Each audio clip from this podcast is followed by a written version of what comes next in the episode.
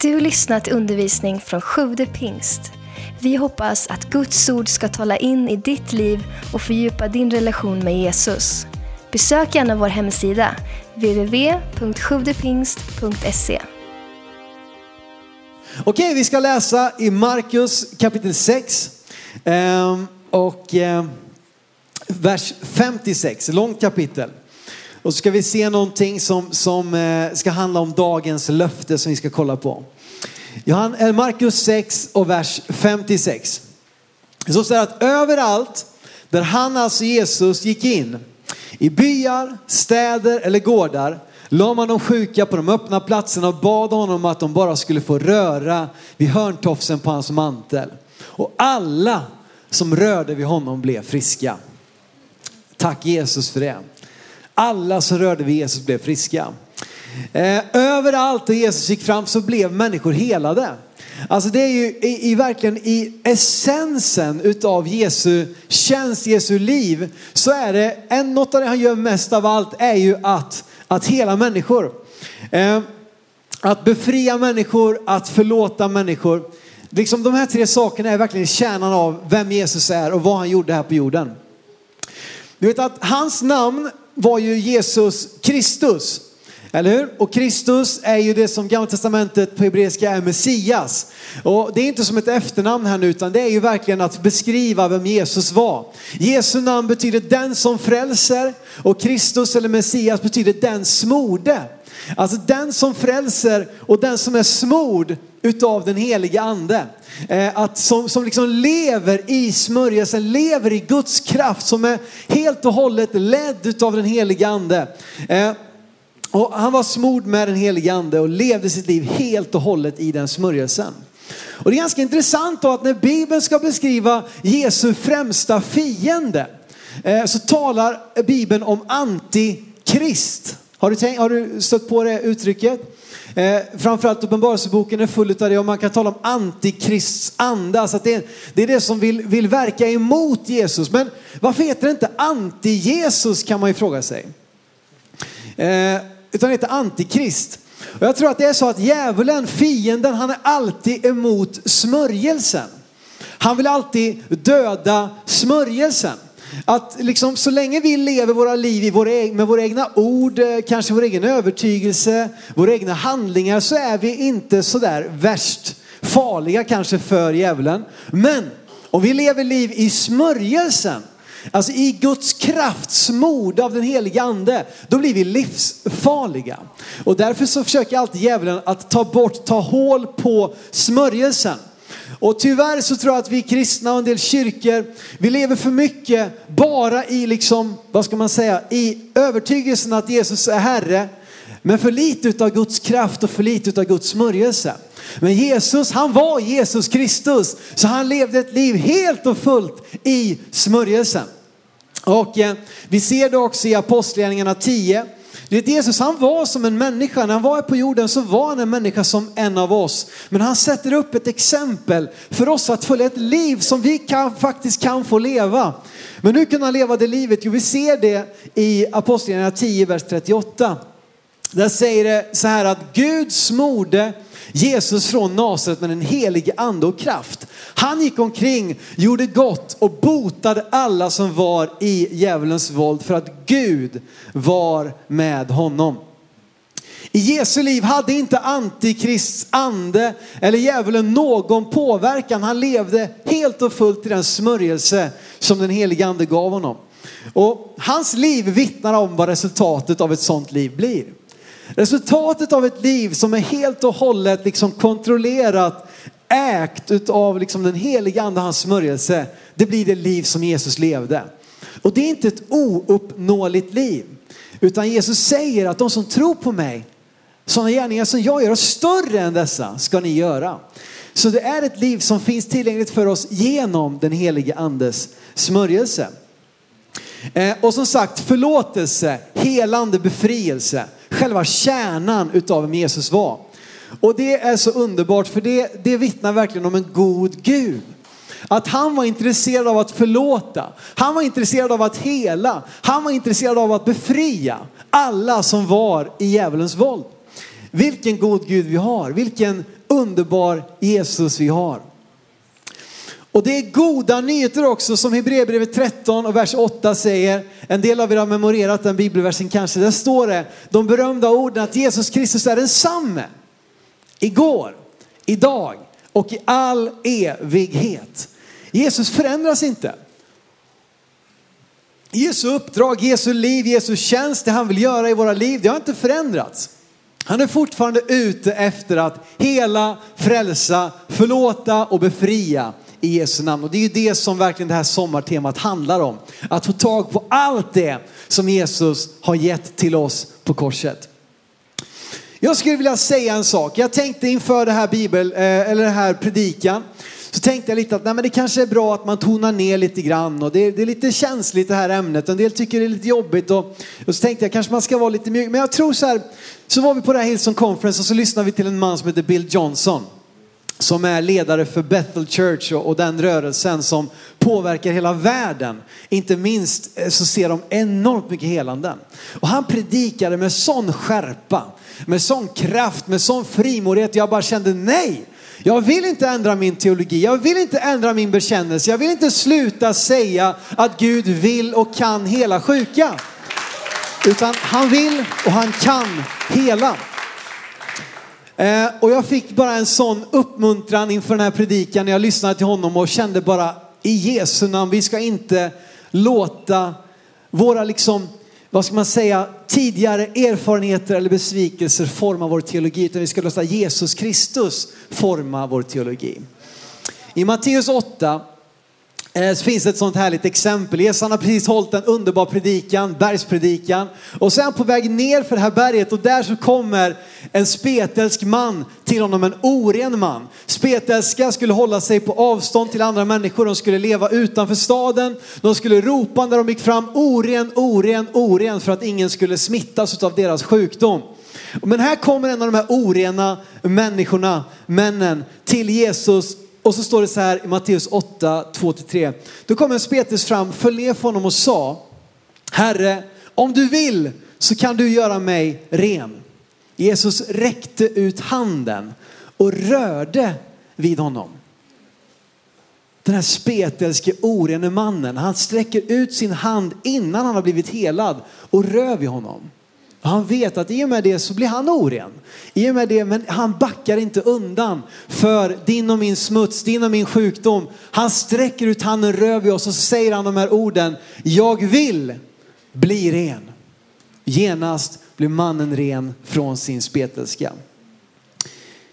Det är min fasta övertygelse utifrån vad Bibeln säger att Gud vill och kan hela varje sjukdom.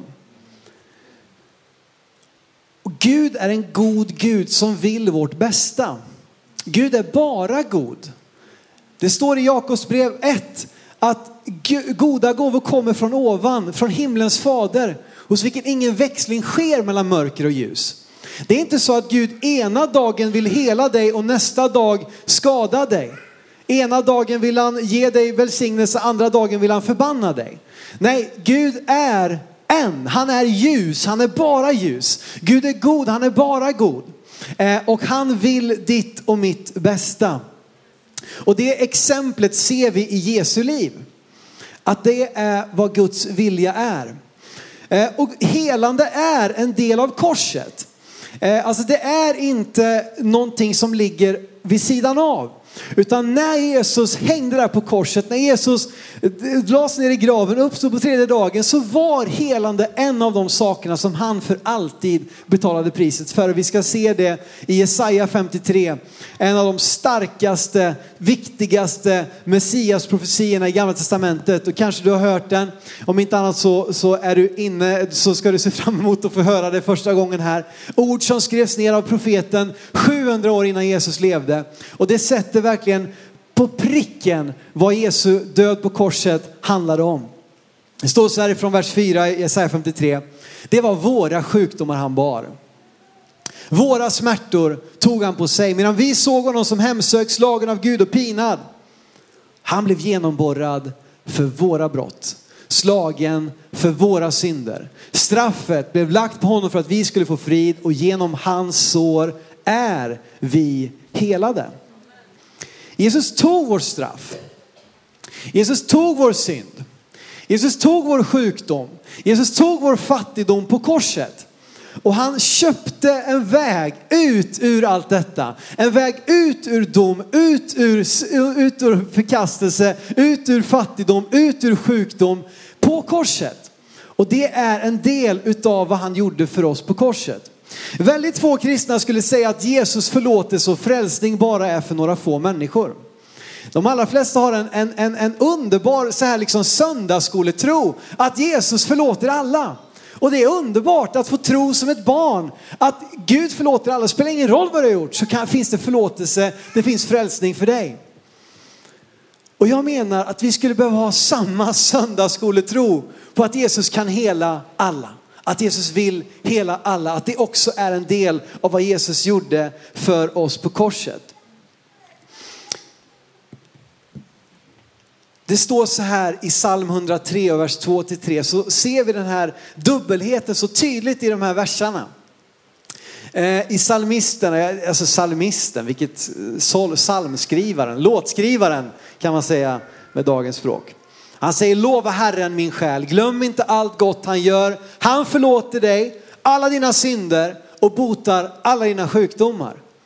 Det är vem Jesus är. Han förlåter dig allt, han botar allt. Och då kanske du säger, ja men Bibeln talar ju om att vi ska få lida. Man talar om ett elddop som ju faktiskt innebar martyrdöden när många fick dö för sin tro. Nästan alla lärjungarna fick ju dö på det sättet. Det står att vi ska ta upp vårt kors och bära det. Vad, vad, hur blir det med allt det här då? Är inte det, är inte det att vi ska liksom, eh, så att säga, stå ut med de här sjukdomarna och liksom inte bara tänka att, att Gud, det är inte något som Gud vill i våra liv. Men jag tror att allt det här, att ta vårt kors, att få utstå lidande, jag tror att det handlar om, om, om förföljelselidande. Därför att Jesus på korset, han tog vår synd, vår sjukdom, vår fattigdom. Det köpte han oss fri från på korset. Eh, men han köpte oss inte fria från förföljelselidandet. Att det kommer komma ett förföljelse där vi blir förföljda på samma sätt som Jesus. Han talar om det faktiskt på flera, på flera eh, tillfällen. Han säger i Johannes 15 till exempel att har de förföljt mig ska de också förfölja er. Eh, och, och även så i saligprisningarna eh, i Matteus 5 i början av bergspredikan så säger Jesus till och med så här, saliga är ni när man hånar och förföljer er. Eh, och jag tror att det är det korset vi har fått att bära. Att få utstå förföljelse i den här världen. Och vi ser kristna ut över vår värld som faktiskt än idag ger sitt liv för sin tro. Men vägrar ge upp hoppet, vägrar släppa sin bekännelse och gå hela vägen för att stå upp för sin tro. Eh, och, så att jag tror också att det är vad Paulus törntag handlar om. Det hinner vi inte gå in på nu, men jag tror att vad Paulus törntag handlar om är, det, det talas om det att han, han bad och då, då liksom att Jesus skulle ta bort den här törntaggen. Men han fick bara veta att min nåd är dig nog, min nåd är dig nog, min nåd är dig nog. Precis som vi sjöng förut här. Eh, men jag tror att det handlar om förföljelse. Överallt där Paulus åkte så blev han, han blev stenad, han blev piskad, han blev hånad, han blev dragen inför rätta, han blev satt i fängelse. Alltså det, det är ju vad, vad, Paulus liv innehöll i väldigt, väldigt stor utsträckning. Och jag tror inte att, att, när vi talar, Bibeln talar om att vi ska få lida, att vi ska ta vårt kors, att, vi, att det handlar då om att vi då ska stå ut med den här sjukdomen. Du får bara gilla läget. Och varför är det så viktigt att landa i det? För det blir jättesvårt att ha tro för helande om jag är osäker på om det är Guds vilja eller inte. Vill Gud att jag ska vara sjuk? Han kanske vill det. Ja, men då kan jag ju knappast be för helande från det. Eh, och att vara övertygad om att det är Guds vilja för mig. Att vara hälsosam, att vara välsignad, att vara fri. Att leva ett liv i överflöd. Allt det här är ju vad Jesus, vad Jesus kom för. Tjuven, djävulen kom bara för att stjäla, slakta och döda. Men jag, säger Jesus, har kommit för att ni ska ha liv, ja liv i överflöd. Eh, och när vi har den övertygelsen att Gud är god, han vill mitt bästa. Då kan vi också be utifrån en plats av seger. Be utifrån en plats av övertygelse, en plats av tro. Jag behöver inte tigga, böna och be och försöka övertyga Gud om att om snälla Gud kan du inte vilja hela mig. Utan jag kan be utifrån en plats av vila, en plats av tro att Jesus kan bota sjuka. Han kan bota mig. Han vill och han kan i Jesu namn. Och självklart så kommer frågan, och jag vet att många av er säkert gick in i den här predikan, så fort vi hör helande så är det en del av er som direkt får frågan, men varför blir inte alla helade? Men varför blir inte alla helade? Och självklart kommer den frågan upp och den är ju absolut berättigad. Även om jag skulle vilja slänga in en brasklapp att jag tror att, att vi nästan i västvärldens kyrka har nästan fått liksom någon slags, eh, det är nästan som, vad ska man säga, något slags eh, anti virusgrej liksom. Alltså fort någon blir helad så kan vi nästan inte tacka Gud för det utan att fråga varför blir inte han helad då? Eh, och det där tror jag vi skulle behöva, liksom, att bara lära oss att glädjas och tacka Gud för det han gör utan att för den sakens skull börja liksom, jaha, jo, jo, han, men hon då? Du vet om det här helandet som vi läser om Johannes 5, där är ett, en grupp sjuka människor vid Betesda-dammen. Eh, och det, det, det, vattnet som fanns i den här dammen, det, det, man trodde att det hade läkande egenskaper. Så att därför samlades alla sjuka där för att om möjligt kunna bli helade i vattnet så att säga. Och dit kommer Jesus och så möter han en man som varit sjuk i 38 år. Och kanske förlamad till och med i 38 år. Han gör honom, eh, han botar honom och helar honom.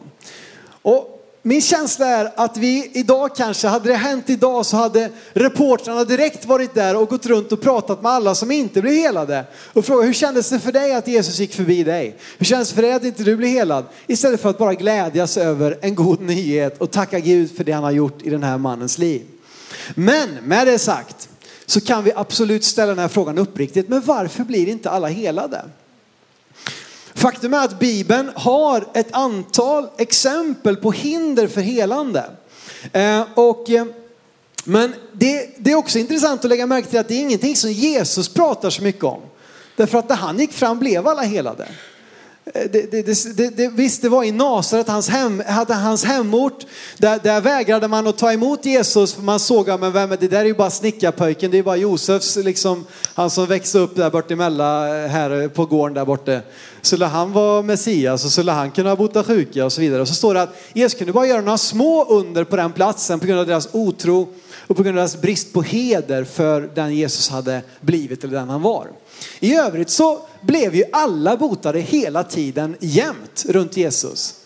Varför då? Jo, för att han levde i smörjelsen helt och fullt. Han var Jesus Kristus. Så Jesus talar inte så mycket om, om problemen med människor som inte blev helade för att runt honom blev alla helade.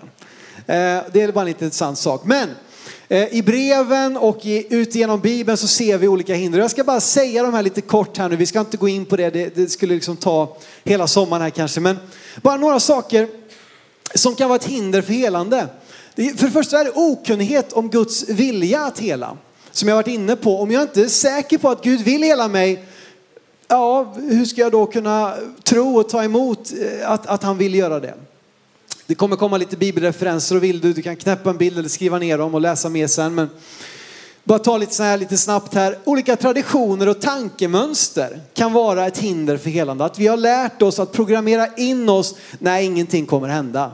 Eh, och vi, vi, vi, vi sjunger sångerna, vi läser bibelböckerna.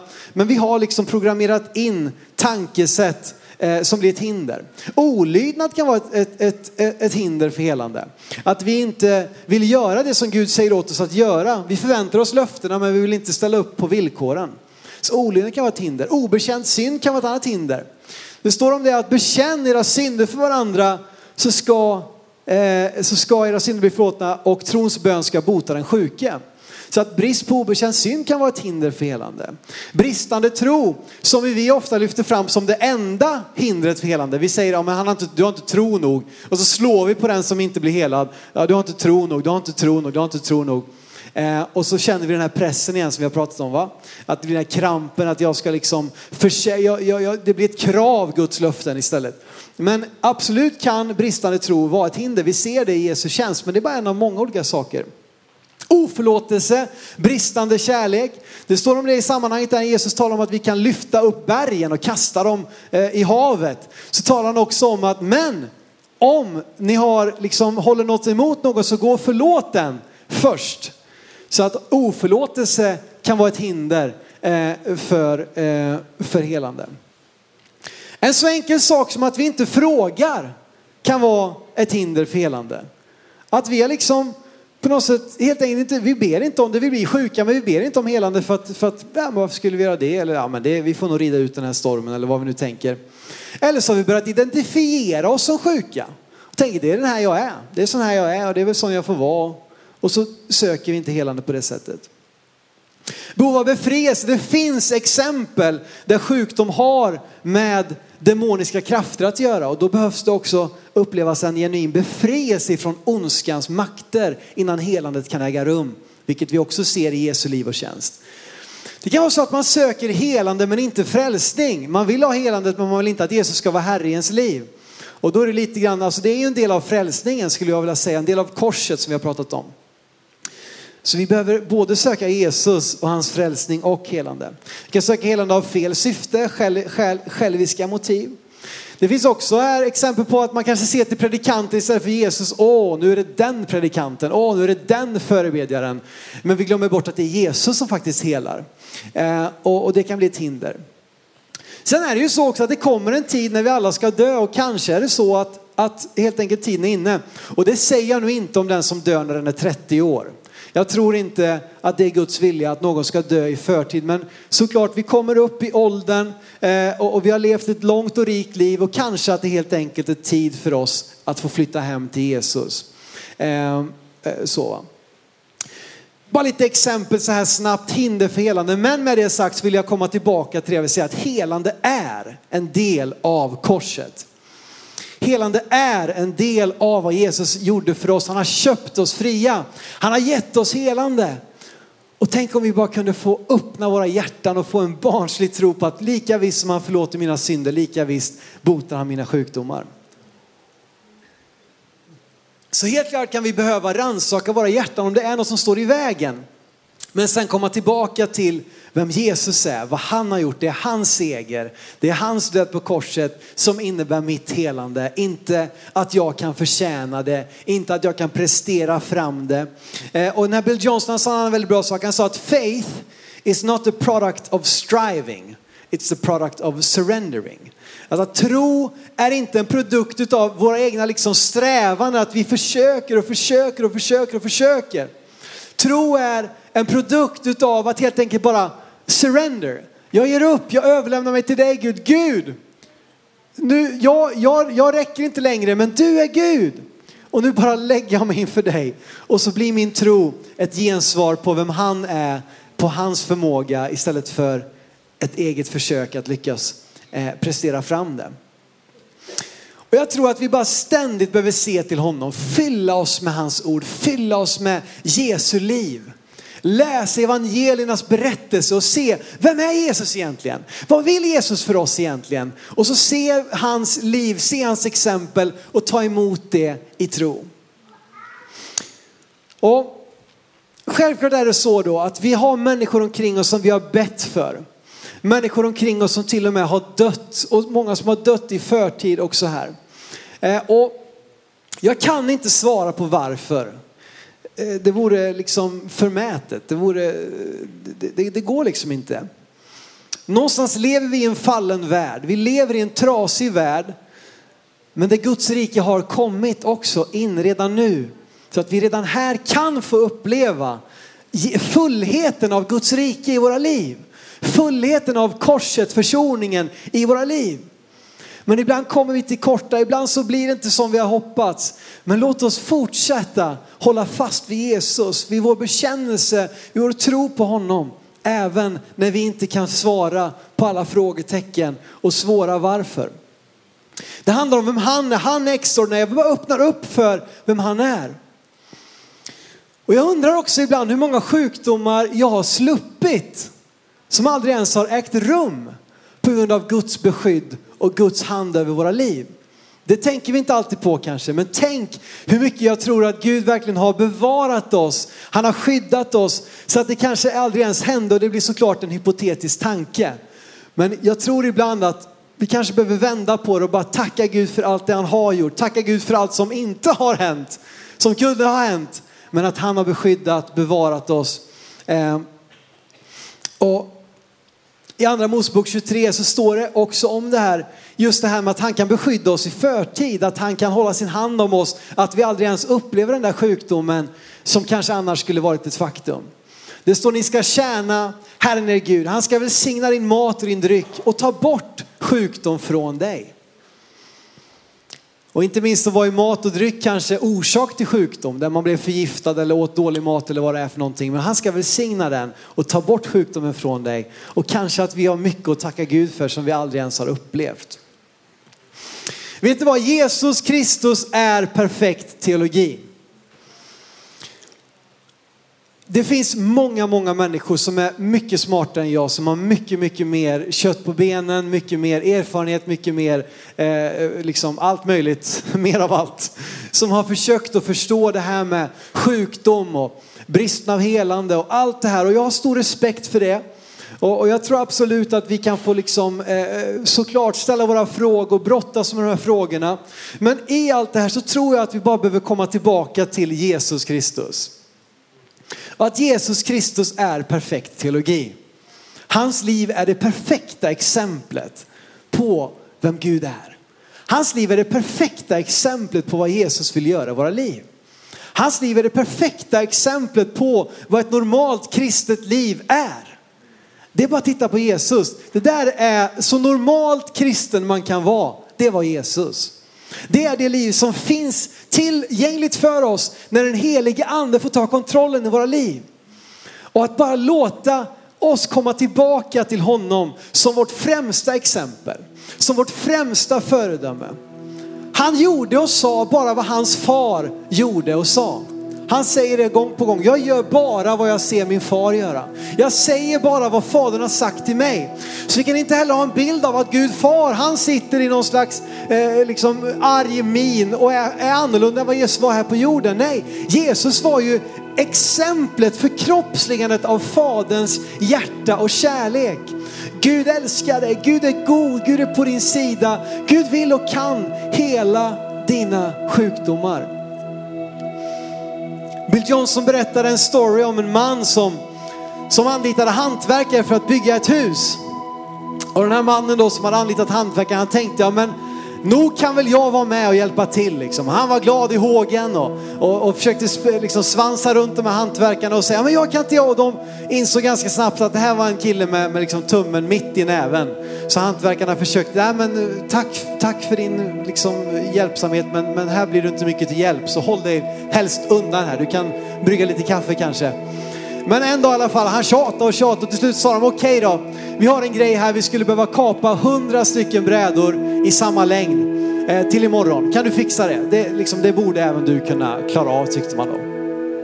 Så den här mannen, han yes, jag ska få göra det. Så han la upp den här första brädan eh, och så tog han sitt måttband och så mätte han upp tre meter och så gjorde ett streck där och så såg han av den här brädan. Sen la han undan måttbandet och så tog han nästa bräda och la upp den brädan han hade sågat och så såg han av den. Och så la han undan den första brädan, så tog han den andra brädan och la på den tredje brädan och såg av den. Och så gjorde han sådär hundra gånger. Och problemet var ju bara då att när man gör sådär att man, att man tar liksom nästa bit hela tiden, det vet varje snickare att, att då, då kommer det börja skeva. Och det skilde kanske 2, 3, 4 millimeter per bräda. På 100 brädor så blir det kanske 20-30 centimeter som skiljer från den första brädan till den sista. Och ni förstår vem som helst att det går inte att bygga ett hus på det sättet. Och vad har det här att säga om helande då? Jo men jag tror att vi har allt för ofta, istället för att gå till källan till Jesus, så har vi börjat mäta efter tidigare generationer. Och så har vi frågat hur var det för den här generationen? Och så var det si så där och det hände mycket men inte ja, kanske exakt som Jesus. Men så tar vi nästa generation och så jämför vi våra liv med den generationen och så kommer nästa generation och så nästa generation, nästa generation. Till slut så har vi liksom förskevat, vi har tappat bort det ursprungliga måttet. Eh, därför att vi har tittat hela tiden på nästa bräda, nästa bräda, nästa bräda och till slut så är det något helt annat än det som var tänkt från början. Och jag tror när det kommer till helande, jag tror när det kommer till vår, våra liv som kristna överhuvudtaget, Vi kan lära oss mycket av varandra. Vi ska göra det. Vi kan lära oss mycket av duktiga kristna författare av tidigare nationer. Men ingenting får vara vår måttstock annat än Jesus. Han är vår måttstock. Han är den som vi mäter efter. Gång på gång på gång. Hade han bara mätt varje bräda med mått, måttbandet eller tumstocken så hade det blivit rätt. Och jag skulle bara vilja uppmuntra dig och mig. Komma tillbaka till Jesus. Jesus Kristus är perfekt teologi. Ska vi stå upp tillsammans? Låtsasteamet, ni kan komma fram här också så ska vi gå in i en stund snart av att be för dig som är sjuk. Jag tror att Gud är här att han vill hela människor idag. Vi har sett under veckan, det har varit så härligt på kvällarna när vi har samlat ledarna och så har vi frågat, är det någon som vill dela med sig om vad Gud har gjort? Så har det varit flera stycken som har sagt med lite så här sköna ord att, ja idag var jag med om mitt första helande. De som har varit i förbönstjänst och bett för människor. Vi har lyssnat in Gud och ibland var det någon som upplevde kanske innan mötet att, att någon kan ha problem med sin vänstra knä eller vad det är för någonting. Och så har vi delat det på kvällsmötet och så har det träffat rätt och så har människor blivit helade och upplevt helande nu på Segerstorp. Och jag tror att Gud han är, han är här idag. Lägret har inte slutat än. Jesus är densamme, är också här i vår kyrka ikväll. Vi har haft mycket kvällsmöten, ni förstår det. Här på den här förmiddagen. Jag skulle också vilja säga som en uppmuntran till dig som i allt det här bär på sorg. Bär på, som sagt, där det har gått så långt att till och med döden har blivit slutet på en kanske nära eller kära människors eh, liv eller deras sjukdom, att den har lett hela vägen till döden. Trots att ni har bett, trots att ni har trott, trots att ni har liksom gjort allt som ni har kommit i er makt. Så vill jag säga det jag sa också när vi pratade om, om, om Guds beskydd. Vet du vad? Gud han har sista ordet. Gud han har sista ordet. Uppenbarelseboken 21, vers 4 står det så här. Han ska torka alla tårar från deras ögon. Döden ska inte finnas mer och ingen sorg, ingen gråt, ingen plåga. För det som förr var är borta. En bild av det liv som väntar oss i evigheten. Du vet att Gud har sista ordet och inte ens den sjukdom som leder till döden för oss bort ifrån Gud. Utan också där får vi komma in, träda in i hans härlighet. Och kanske att vi med ett evigt perspektiv inser att okej, okay, den där tidens sjukdom här på jorden, det var inte så allvarligt i jämförelse med allt det som jag fick när jag fick träda in i min faders rike, få vara tillsammans med honom. Och det vill jag bara skicka med som en uppmuntran till dig som bär på sår när det kommer till det här ämnet, att Gud har sista ordet. Din vän, och din, din liksom, eh, den du känner, om, om han eller hon hade en tro på Jesus, en bekännelse det som Herre, så har de nu upplevt ett fullständigt helande i Jesu namn. Vi ska be för dig nu som har sjukdom i ditt liv. Vi ska be för dig nu som brottas på något sätt, vad den är för någonting. Och vi ska be i Jesu namn. Det är inte för att jag har haft någon häftig predikan, det kommer hända någonting, men det är på grund av vem Jesus är. Som vi kan få uppleva just nu helande upprättelse i våra liv. Alldeles strax kommer vi öppna upp för personlig förbön här på sidan dit du kan vända dig. Men jag skulle bara vilja att vi just nu, om du är här som behöver helande i din kropp, i ditt liv eller du har någon nära dig som behöver helande och du vill att vi ska be tillsammans som kyrka för det så kan väl du bara lyfta din hand där du står just nu. Så ska vi be tillsammans för dig som behöver helande eller du har en nära eller kära omkring dig som behöver helande. Låt oss nu bara be i Jesu namn. Låt oss be i Jesu namn tillsammans som kyrka här inne, att vi förenas i tro, i bön på en levande Gud som vill och kan hela den sjuka. Och kanske att du vill ta din hand, om du har smärta någonstans på din kropp, så kanske du vill ta den handen, den andra handen och lägga på den platsen du har smärta just nu. Så ska vi be tillsammans för dig. Om du inte har någon plats så kan du kanske bara lägga din hand på ditt hjärta. Så ber vi nu i tro tillsammans som kyrka. Ska vi göra det? Vi förenas i bön. Jesus, vi ber till dig Herre. Fader, vi kommer till dig, du som är en god, god far Herre. Tack att du sänder din son att dö i vårt ställe för att ta vår synd, vår sjukdom och vår fattigdom Herre. Att du köpte oss fria Herre. Och just nu ber vi för alla dessa människor som behöver ett helande i sin kropp Herre. Som behöver ett helande hos en när eller kär i sina liv Jesus. Vi bara ber Herre, kom i Jesu namn och vi talar till sjukdomen att gå i Jesu namn. Tack att du botar den sjuke. Tack att du tar bort smärtan Herre. Tack att du läker trasiga knän just nu Herre. Tack att du läker eh, eh, slitna nackor, nackar Herre. Tack Jesus för att du tar bort tinnitus Herre, huvudvärk, spänningshuvudvärk just nu i Jesu namn Herre. Tack Gud för ömma ryggar Jesus som bara känns, där, där din värme flödar fram just nu Jesus med helande kraft Herre. Åh Jesus, jag ber om det här. Jag tackar dig Gud för allergier som upphör Jesus. Jag tackar dig Gud för allergier som upphör i Jesu namn Herre. Och vi tar emot i tro helande ifrån himlen. Inte för att våra böner är perfekta utan för att du är perfekt Jesus. Och vi tackar dig för att du är här och hela människor just nu i Jesu namn. Tack för att du lyssnat. Glöm inte att du alltid är välkommen till vår kyrka. Du hittar mer info på www.sjuvdepingst.se